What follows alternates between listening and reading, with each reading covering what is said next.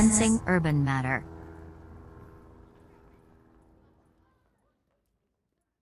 Thank you very much, Linda and Meng, for being here today. First, I would like to start by introducing you because you're here today as a joint practice called Studio Pararaum between Zurich in Switzerland and Toronto in Canada, where you are both based respectively. You consider your practice to be a provocation of architecture's capacity to communicate through felt experience, affect as a design process towards lived experience and you have been recipients of multiple awards, fellowships, and your work has been exhibited and presented internationally in Canada, Switzerland, Germany, Italy, Japan, Spain, UK, and United States, and most recently, Seoul Biennial of Architecture and Urbanism. Mainly, you teach at the chair of Emanuel Christ and Christoph Gantenbein at ETH Zurich, right? And Linda Zhang uh, is a registered architect in United States and an assistant professor at Ryerson University School of Interior Design. Is there something maybe that has to be even more updated? Uh, would you like to add something to the definition? No, I think, I think we got all of the parts of the definition. Yeah. Thank you so much for the warm introduction. Maybe it would be nice to hear like what brought you together, Studio Pararaum, and like what kind of knowledge you think and uh, you bring together into this joint practice. For me, it's around um, an understanding of the value and importance of what we call felt experience, or we also call affect architecture, more of the aspects of space and living in space that can't necessarily be diagrammed or put into a parti drawing, but is essentially the web of you know immaterial and intangible aspects of what it means to be part of a space that really sort of like hits you in the chest overly unresearched topic within maybe maybe architecture. I think we always had a common interest in this. As we continued to overlap, eventually we started to work together and explore projects together, uh, and then that kind of continued. Uh, without surprise, I have very similar response against Linda because that's also part of the reason that we work together. Because this mutual understanding, first of all, to start a practice it's very difficult or it's less fun to do it on your own. So each time we work together, it always brings us some new uh, knowledge. And surprisingly, also the work just comes out more easily mm. than we could imagine to working alone. I think what we've been trying to carve out this carve out the space for for ourselves. How do we build a practice, and what are some alternative ways we could approach building a practice where we have all of these these questions and we have all of these sites we want to explore through a certain lens. And usually that's not necessary like a client's not going to come along usually and say i want you to build this. It's not typical of um, something that would be traditionally funded in architecture i would i would say. Um, and so i think a lot of our practice has also been looking at like other funding streams of how we can explore uh, these works so we can kind of build as a young studio you know build our approach and our methods. And also you know for the two of us working together for the first time when we started this practice how do we work together? What are our values together beyond just uh, as single people? It's been a kind of combination of uh, both responding to the spaces in which we live experiences in and then also seeking out ways to be able to do that kind of work kind of in the context of sensing urban matter, this project by Architektūros fondas, uh, I thought your approach is very special because, like, sensing urban matter doesn't necessarily directly deals with these issues that you just talked about. But somehow through that, you have this also very special approach to materiality. For future architecture platform this year, you propose your project Rockskin, which you just recently presented at Seoul Biennial Architecture and Urbanism, and which you call yourself a city building process towards ecological empathy, where you delve into the discrepancy between building and material sourcing processes in architecture, and where you're also recording in this very special process kind of the surface of a mountain and thus suggesting other kind of relationship to the geology of a mountain other than just a resource to be exploited and intervened directly. Before we go into rock skin, like there's also very interesting genealogy in your practice, especially the works around that you did uh, several iterations around the history of Erie Canal, where you kind of explore history of making of infrastructures and also kind of the material and immaterial traces of that. Also the mediation of memory. Would you like to introduce that project? How memory is mediated uh, through the in like the object that you research but then how you also yourself kind of reflect on this process of mediation for us, uh, we always talk about the ways in which materials can speak to you, uh, which is really uh, to say that we can sense materials, right? Like we have an ability to feel them, and they have an ability to communicate things to us. Um, and in a way, uh, for us, you know, that's often where architecture emerges. Um, and the, I mean, there's the famous Adolf Loos's quote that is the only quote that defines architecture that I could possibly ever agree with. Um, everything else I will argue to the end and disagree with, but um, it goes along the lines of if you find a mound in the mountains, uh, sorry, in the forest, uh, two feet wide by six feet long, um, shaped and formed uh, into a mound by a shovel, um, something becomes silent within us and we say that is architecture. Uh, because when you see this, you know that a body lies there buried. You know from the scale that it's the scale of a body. You can tell, even though the shovel's not there, that this has been formed into a mound. Dirt doesn't just, you know, form itself into that shape. And so, and you also know by the approximate amount of soil that is still there in the mound it's approximately the same amount of soil that was displaced by a body that has now been placed below. And you can know all of that without any words, without any plaque or description. You just stumble upon this mountain of forest and you just you just know that. And I think that's really powerful. I think that's really, really incredible. And there's a way in which we have that relationship with materials, with materials that have contacted with other things. I mean, just the incredible experience of looking at a fossil or a dinosaur's footprint in the sand. Um, it is like palpable, even though it's not necessarily direct, but the materials have a way of communicating that um, because we know that materials they, they exist across time. And so we just have an ability to sense then um, what was its history, what was there before, um, what did what did what other things did it touch? And so i think that's been a, a major interest um, of ours in the studio of kind of exploring and developing that kind of architectural language um, through materiality for things that are not there. Um, and the erie canal i think was was a really interesting um, site for that uh, because um, well well it's currently celebrating its 200th anniversary for when it was built. Um, and we were asked to produce a kind of commemorative uh, piece for the Erie Canal Museum uh, in Syracuse, New York. And uh, that was, you know, just the question of like, oh, how would you commemorate the Erie Canal? It's like a waterway. And if we think about the traditional ways in which we preserve historical buildings or structures, we would 3D scan it. but of course, you can't 3D scan water. Um, it's transparent, it's reflective. If you try to scan it, um, either you will, if you're depending on which technology you're using, if you're using um, a like laser or like lidar based scanner, it will just penetrate through the water, and then you'll just get not the water, you'll just get whatever. And if you try to 3D scan the water with like photogrammetry or like photo based scanning, you will just get the reflection.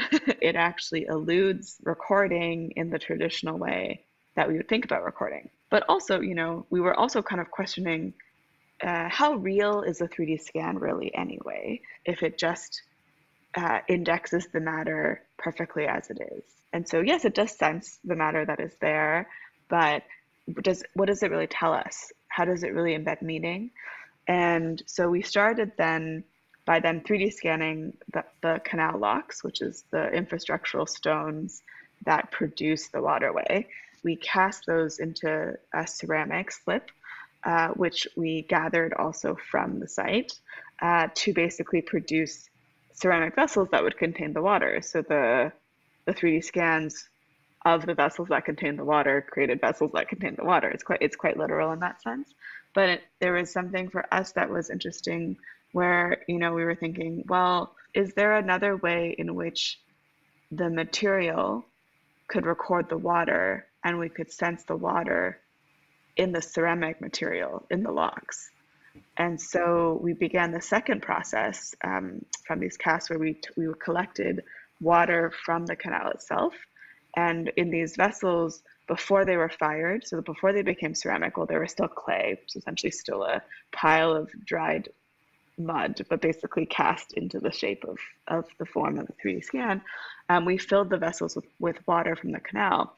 And the water, of course, eroded and affected and shaped and formed and reformed and deformed the vessel in different ways. And it depended on how much water was added, um, how quickly it was added, um, how long you know it lasted, how thick the walls were. In some places it burst, in some places it just dissolved.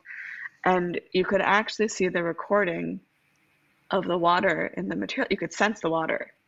Um, and our interest in that was both a kind of questioning of the typical logic around how we would kind of just um, logically usually understand representation. Uh, but the other part of it is we were interested in exploring a way of um, also telling the other histories of the site. Uh, the site is both presented as something that's this very glorious, positive, uh, techno advancement, pro, you know, prog- progress is great kind of narrative, and at the same time, um, it come it came at a huge cost. Uh, it came at a huge cost to all of the laborers, to many communities. Um, it displaced, you know, I think 97.9% of indigenous lands in the New York State interior. At the same time, it's the reason why New York City exists today as a prosperous um, city. And so it's all of these things together. And so water had a way in which it formed and reformed and deformed lives as well. In the way that it was forming and deforming this vessel, we were interested in how that might be able to communicate something else about its history beyond just this perfect 3D scan of this perfect glorified past that we traditionally, um, in the field, you know, of architecture preservation, usually think to preserve but I would be curious just about your process as well, like how you know it kind of has shifted your understanding of matter, like relation between matter and memory. You know, each time is almost like an experiment because sometimes we try to we try to make the material speak and we try to be able to sense things and sometimes we fail sometimes we make we try we think this will work we're interested in indexing a certain memory and we're trying to capture the material and sometimes we make it and it, it's kind of a thud. Like there, it doesn't it doesn't do it. It doesn't always work. And so there's many iterations of that behind every project where we're testing through it and it's not always expressing things. And so I feel like with each project, what we're really learning is this building of this kind of uh, vocabulary in in matter, in material, um, that can speak, that can be sensed, evaluating the reaction that other people have to our work, and so that's always like a learning process for us as we're trying to kind of like build more mm.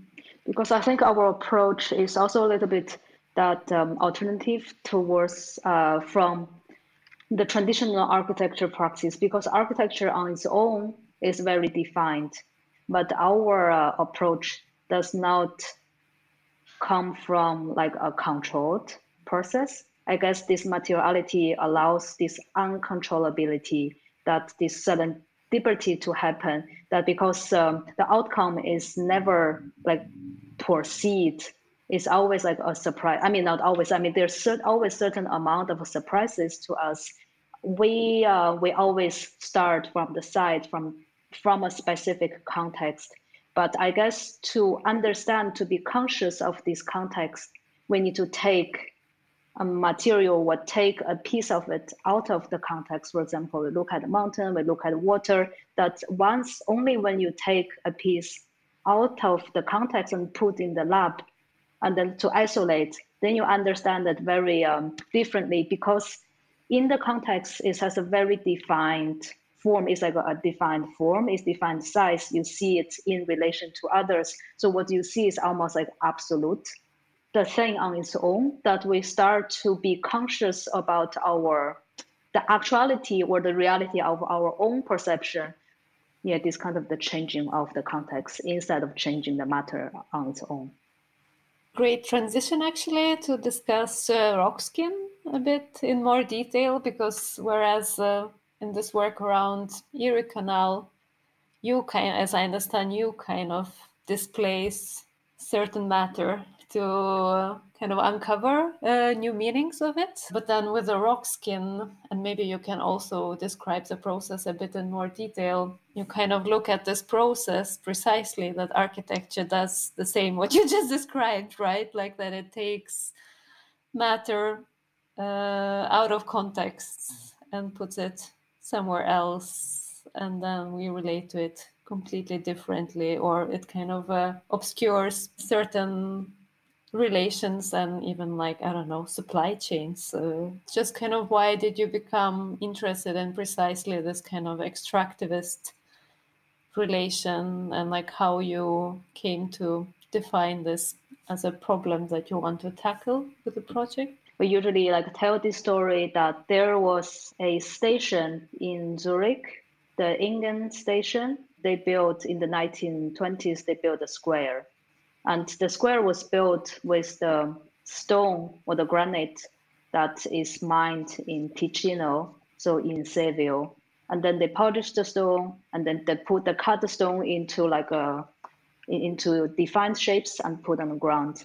And then people just walk by. No one's really paying attention of them because it's just one another square. So their approach after 30 years that they're making people conscious about this uh, production and sourcing is to change the name of the station or change the name of the square of the station. They call it Platz, relates to its own origin. For most people that we talk to, no one really make a connection between the stone and the name. Only if you read about it, you understand the story, where it's coming from, then you understand the stone differently. But for us, it's the question, how can we, without a literally or without the semantic to understand or to feel connected to the stone without a text is affected through through feelings, through emotions, through empathies that um, to understand the disconnection between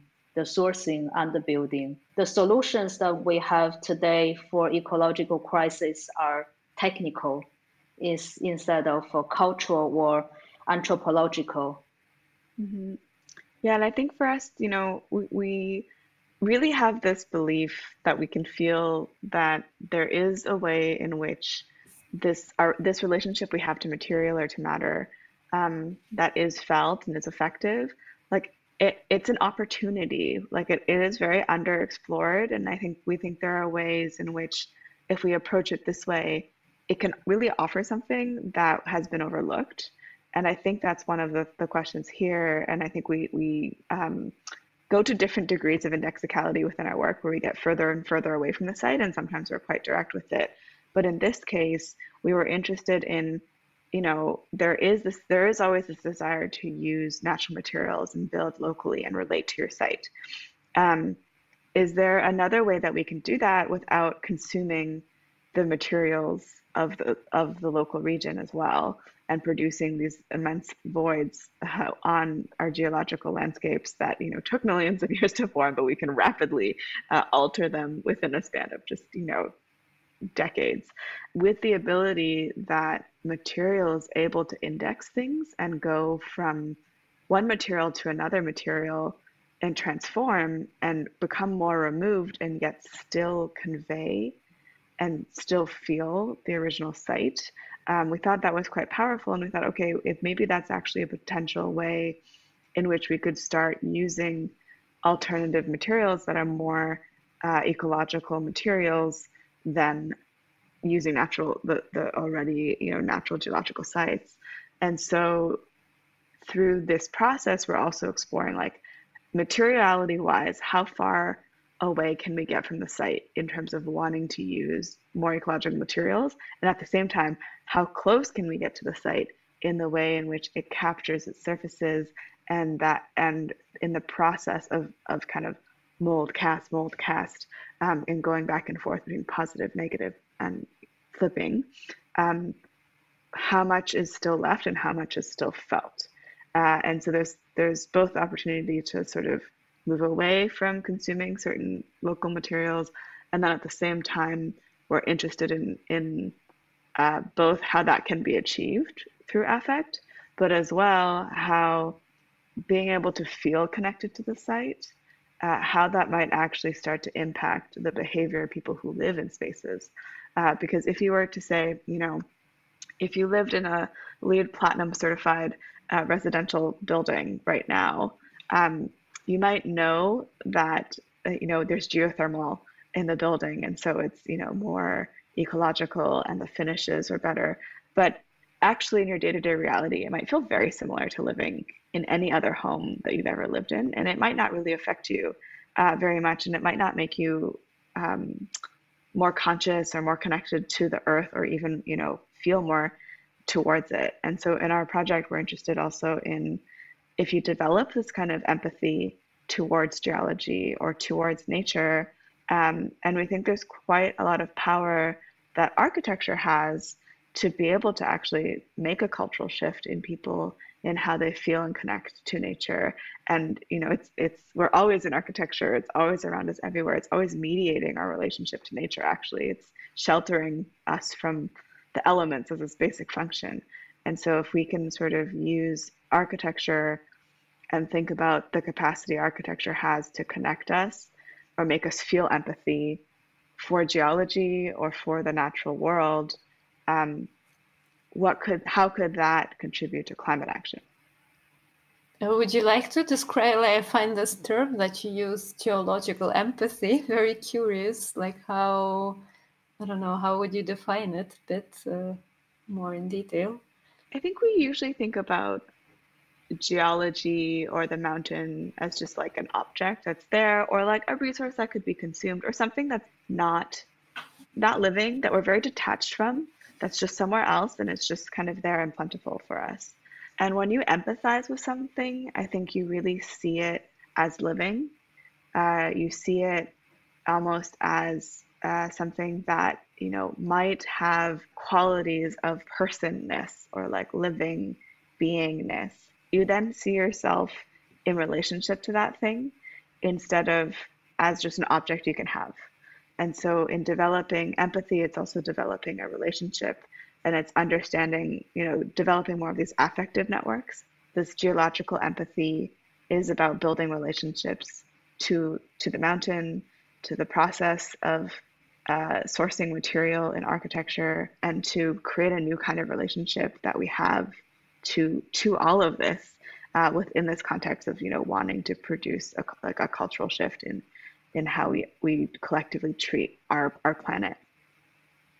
Right. I also think that um, because we live in the Anthropocene era, that how we understand our time, it's very different from other period of time or before human history. We understand history as like the human history, I guess using the mountain or using the geology is also a way to help us to see us in relationship better because um, because I mean empathy is also means that you put your own situation into the other situation. Of course, we cannot imagine ourselves as a mountain because we are not mountains. But I guess the mountain is also a way that help us to see this this um, this period how short it is compared to to the millions of years billions of years forming the mountain. But at the same time because that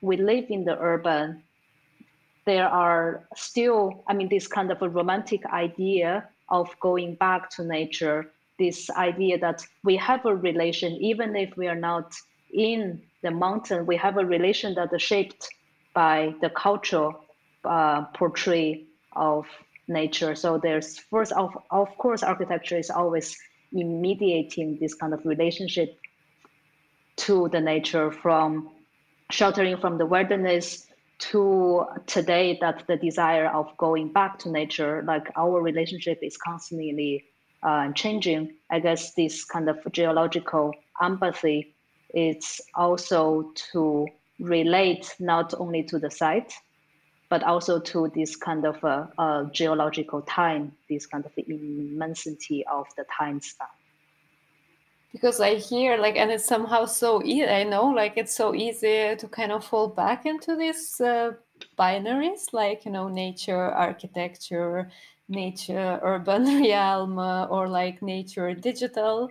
I don't know. Would you have any reflection about that? Like, I'm just maybe also could be interesting if you would take us through like what kind of elements are in the rock skin because uh, I find it very also very curious that you take the like the surface imprint from actual like a mine, you know, which mm. is so already is kind of is there because of human activity and it's like already kind of signifies this uh, extractivist relation through working in this project have you ever reflect did you learn something about this kind of very not so clear cut uh, binaries sometimes. Yeah, it's. I mean, it's a very interesting uh, because our work is also so much about uh, paradoxical or contradiction that um, the binary is always difficult to talk about or like is very unclear. Or I think the problem is like this binary shifts um,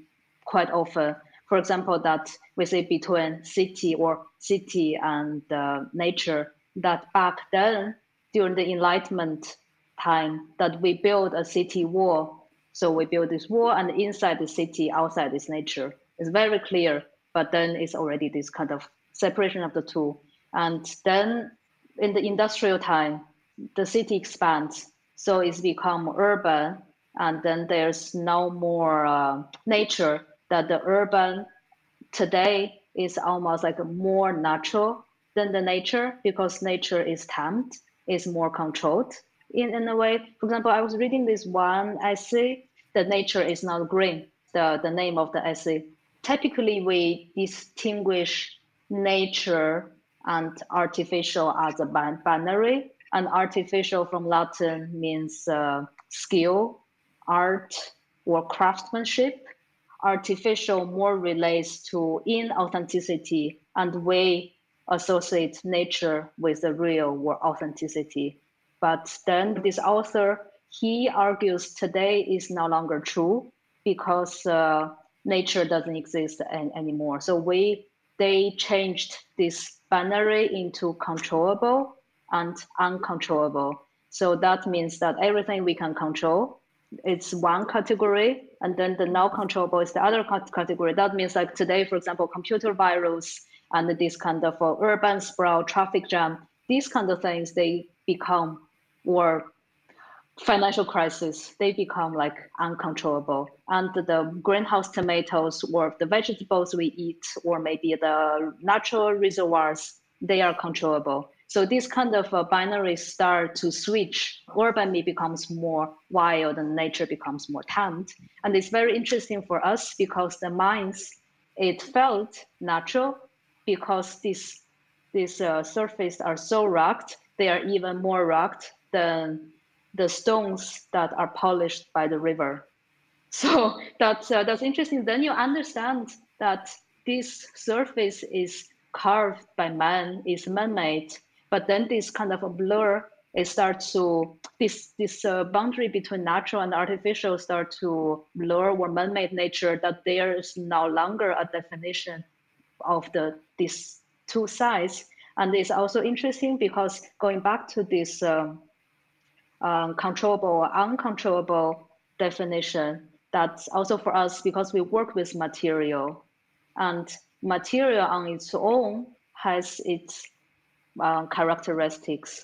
For example, that concrete, like bioplastic, like ceramic, we cast.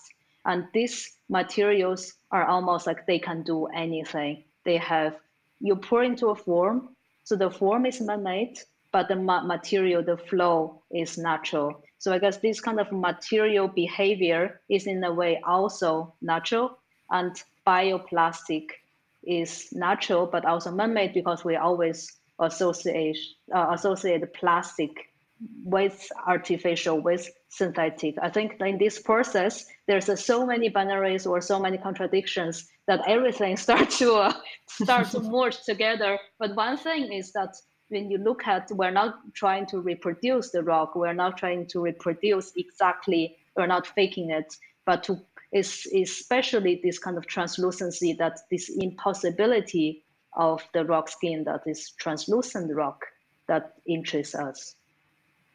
And I think part of that also goes back to what Meng was saying earlier about taking something out of its context. Um, another uh, kind of phrase often for that that we cite is uh, Heidegger's like broken tool being, where like you can't, you, you don't really sense that you're holding a hammer or using a hammer until the hammer is broken. Or if there was a chair that you tried to sit on and each time it refused to let you sit, in those moments you become really aware of it. Um, and so part of it is that the the interest in that space in between a binary or the collapsing of a binary, we often call the crisis of the natural. So the not to say the crisis of nature, but the crisis of of categories as we naturally understand them. Um, and it's an interest we have where, you know, in a more primordial time, even in language, a single word always had its two opposite meanings in one that's how language began. And we have many words where this um, curiously still happens today, um, and we don't notice them. And it's really kind of like if, if you sort of re-remember them again, it's very funny when you when you think about them. Um, but as language developed, we separated them out into separate words, and so we we find there's an ability in this moment where you put these binaries into crisis that you see something you can you can see it for, and you can sort of sense it and you can perceive it um, that you otherwise uh, aren't always able to do. So it's something that, um, you know, making us aware that these categories that we do need to understand reality, because without them, we can't sense anything, but to also have these moments where we can sense them as an artificial construct that we've created to help us understand cognitively and make sense of the world. Um, but to have them also dissolve because there's also many meanings within living reality that exceed the categories. And often things that exceed the categories are often non normative things, people, or communities. Um, and so we're also often interested in ways in which we can allow what is excess or what is surplus um, to have meaning and have presence and be part of, of the work um, rather than sort of neatly uh, hidden away by the categories. Um, so it's also, you know, coming back to some of these uh, repeated interests within the practice as well. For Seoul, you prepared this very nice kind of virtual tour of your project. I don't know, would you like to kind of describe uh, the major elements that you have developed? They kind of walk through your methodology as well, because it's not only you have this line where you take the latex imprints, but then there's this much larger material process behind uh, I, I guess that is uh, kind of only natural that only natural only natural for us to explore different possibilities to work with material because um, the, the work itself is always a work of representation so how you represent the work that could be virtual could be digital because we are also interested i mean as the taking the rock skin the skin itself is as interesting as the photograph of taking the process of documenting the process itself. So each uh, media has its own strengths that we are exploring. So there is, I mean, it's impossible also with today's a like um, this kind of uh, the network work to society that the material cannot always travel or it's probably not um, ecological to always ship all the materials uh, around. So the skin itself is a way for us also looking for ways to reproduce a work, to propagate the work or the geological empathy to a wider audience through different media. So the skin is much thinner or lighter than the cast itself. And the image is also is even lighter than the skin itself. And the website, the digital space, it, it exists without the geographical constraints. So I guess we are also trying to find different um, methods of representation or to distribute the work to a wider audience through different media with their own constraint that without the materiality, without the touching, that how can we reproduce the, the affect that's comparable to the material reality. I might just also take a step back to, to talk a little bit like what is the rock skin and what is the process. Um, so we wanted to find a way that we can cast the surface of the mountain, but we wanted to do a way where that wasn't invasive and it wouldn't also deteriorate or destroy the mountain, but rather it would keep it intact um, and leave it as is.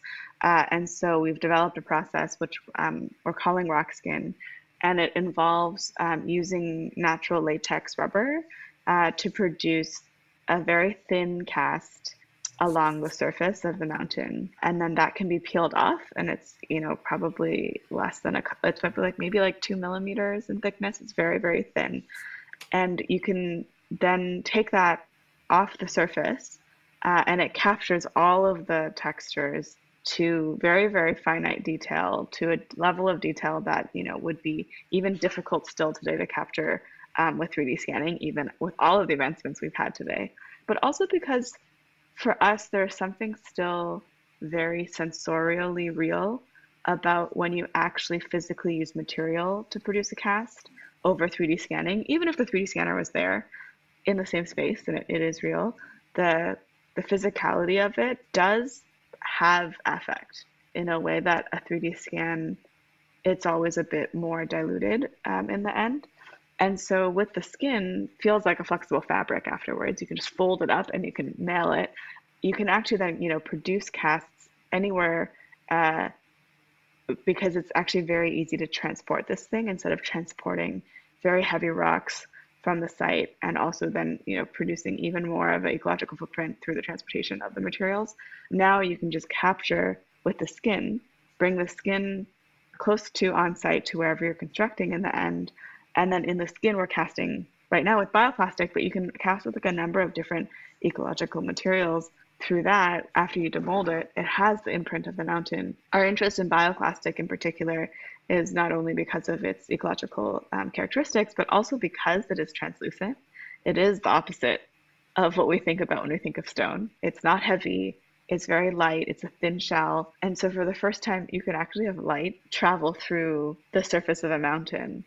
We're kind of interested in, you know, in, in how, what that kind of uh, broken toolness or kind of, you know, uh, estrangement from the mountain might produce in a viewer or an inhabitant. Throughout this project, there's kind of this kind of going back and forth between the site, extracting from the site in a way that doesn't extract the material or change its physicality or harm the site, uh, translating that and bringing that elsewhere and communicating that to a viewer. Thank you so much, both of you, for your time. Yeah, thank you. Sensing Urban Matter.